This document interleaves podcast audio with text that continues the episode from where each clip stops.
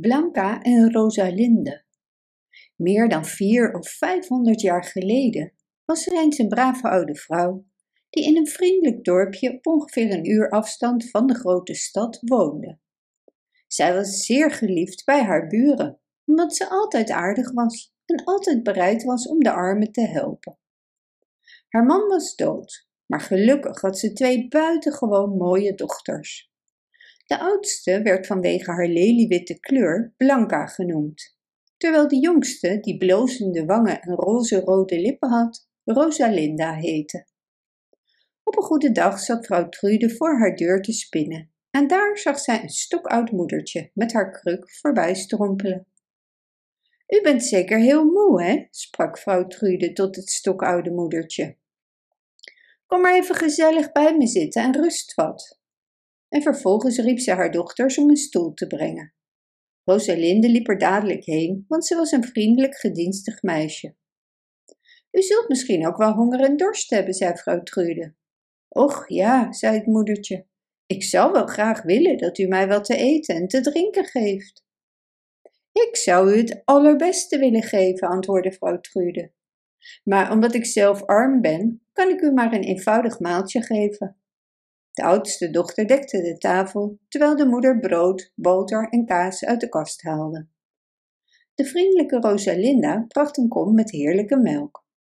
En toen de oude vrouw had plaatsgenomen, zei de moeder: Blanca, kind, zou je nu ook nog een mandje vol pruimen uit de tuin willen halen? Dat beviel echter Blanca volstrekt niet. En ze ging morrend en brommend de tuin in en zei: het is me wat moois dat ik nu ook nog wat van mijn kostelijke pruimen aan zo'n lelijke oude landloopster moet geven. Evenwel durfde ze haar moeder niet tegen te spreken, of schoon ze, toen ze de vruchten binnenbracht, haar spijt maar moeilijk verbergen kon. Rosalinda daarentegen zei: Mijn hondje heeft zo pas een ei gelegd. En als het moedertje trek heeft, wil ik het ei wel voor haar halen. Terstond liep ze erheen en kwam spoedig met het ei terug. Maar o wonder, Juist toen ze het ei voor het oude vrouwtje neer wilde leggen, veranderde zij in een wonderschone dame. Ze keerde zich tot de moeder en sprak: Ik heb al lange tijd geleden gezien wat een goede brave vrouw u bent. Ik ben nu gekomen om je beide dochters naar recht en billijkheid te belonen. De oudste zal nog eens een koningin worden, maar de jongste zal een landman tot man krijgen en hierop raakte zij het huisje met haar kruk aan en terstond was dit nu in een allerliefste boerenplaats veranderd. Dit, Rosalinda, is uw deel. Ik geloof dat ik u nu gegeven heb wat ieder voor zich het allerliefst wenst. Zo sprak de tovenares en verdween. De moeder en de dochters waren natuurlijk zeer verwonderd.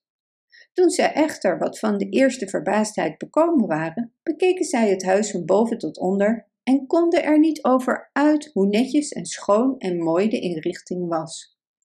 De stoelen en tafels, hoewel van gewoon hout, waren zo blinkend gewreven dat het wel spiegels leken. En het beddengoed was wit als sneeuw. Nadat ze hier al de pracht en heerlijkheid bewonderd hadden, gingen zij naar de hof en de stallen.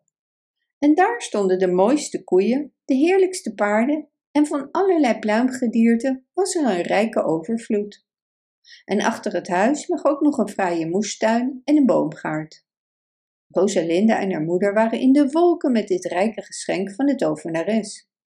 Maar Blanca vond niks de moeite waard en verlangde er alleen maar naar om koningin te worden. Opeens klonk er nu de toon van een jachthoren. Nieuwsgierigheid dreef Blanca naar het poortje en daar zag zij dat de koning met zijn gevolg aan het jagen was. Toen de koning voorbij reed, was hij zo verrukt over Blanca's schoonheid dat hij dadelijk besloot haar tot zijn vrouw te nemen. Zodra hij weer in zijn paleis was aangekomen, liet hij haar roepen en na de nodige voorbereidingen werd de bruiloft gevierd. Nu Blanca koningin was geworden, kon ze nauwelijks slapen van blijdschap. Haar gedachten hielden zich alleen maar bezig met feesten, spelen, dansen, mooie kleren en sieraden. En ze dacht dat Rosalinda graag deel uit zou willen maken van haar geluk. Dus zond ze een bode om haar in het paleis uit te nodigen. Ook liet zij haar zeggen dat zij er zorg voor zou dragen dat haar zuster de rijkste en voornaamste heer van het hele hof als echtgenoot zou krijgen.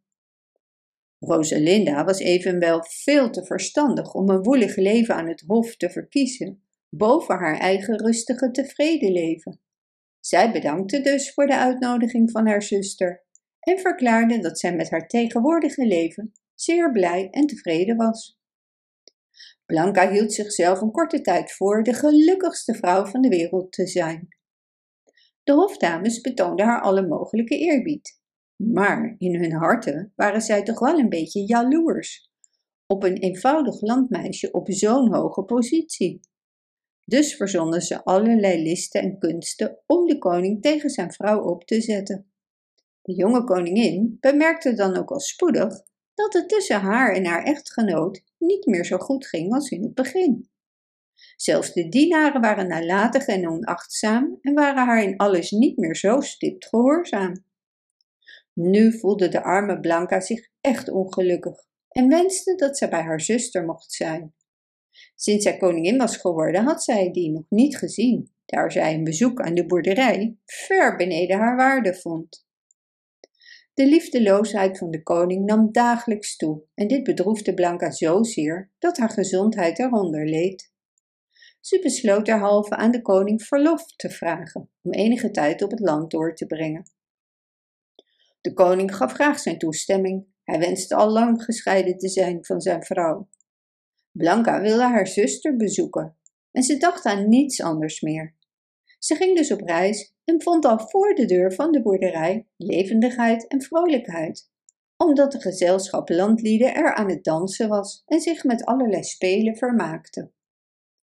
Zodra Rosalinda hoorde dat haar zuster er was, vloog ze naar buiten en omhelsde en kuste haar en leidde haar naar binnen. De koningin werd door dit gebaar van liefde diep getroffen en barstte in tranen uit.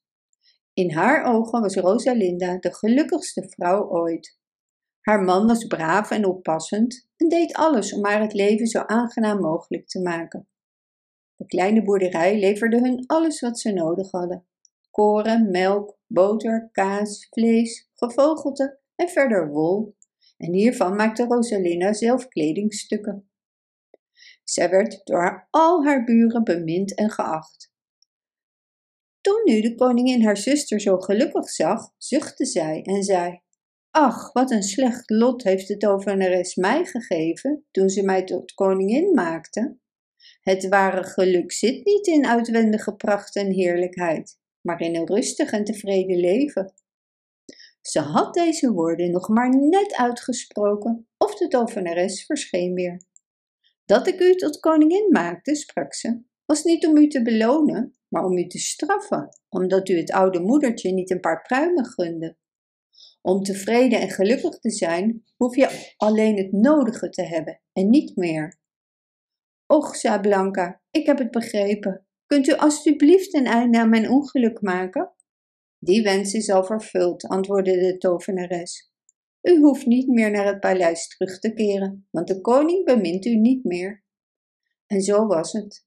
En Blanca bracht nu voortaan nog heel veel genoegelijke en gelukkige dagen bij haar zuster door en ze heeft nooit meer naar het hof terugverlangd. Bedankt voor het luisteren. Wist je dat je dit verhaal ook op onze website ridiro.com/nl kunt lezen, downloaden en printen?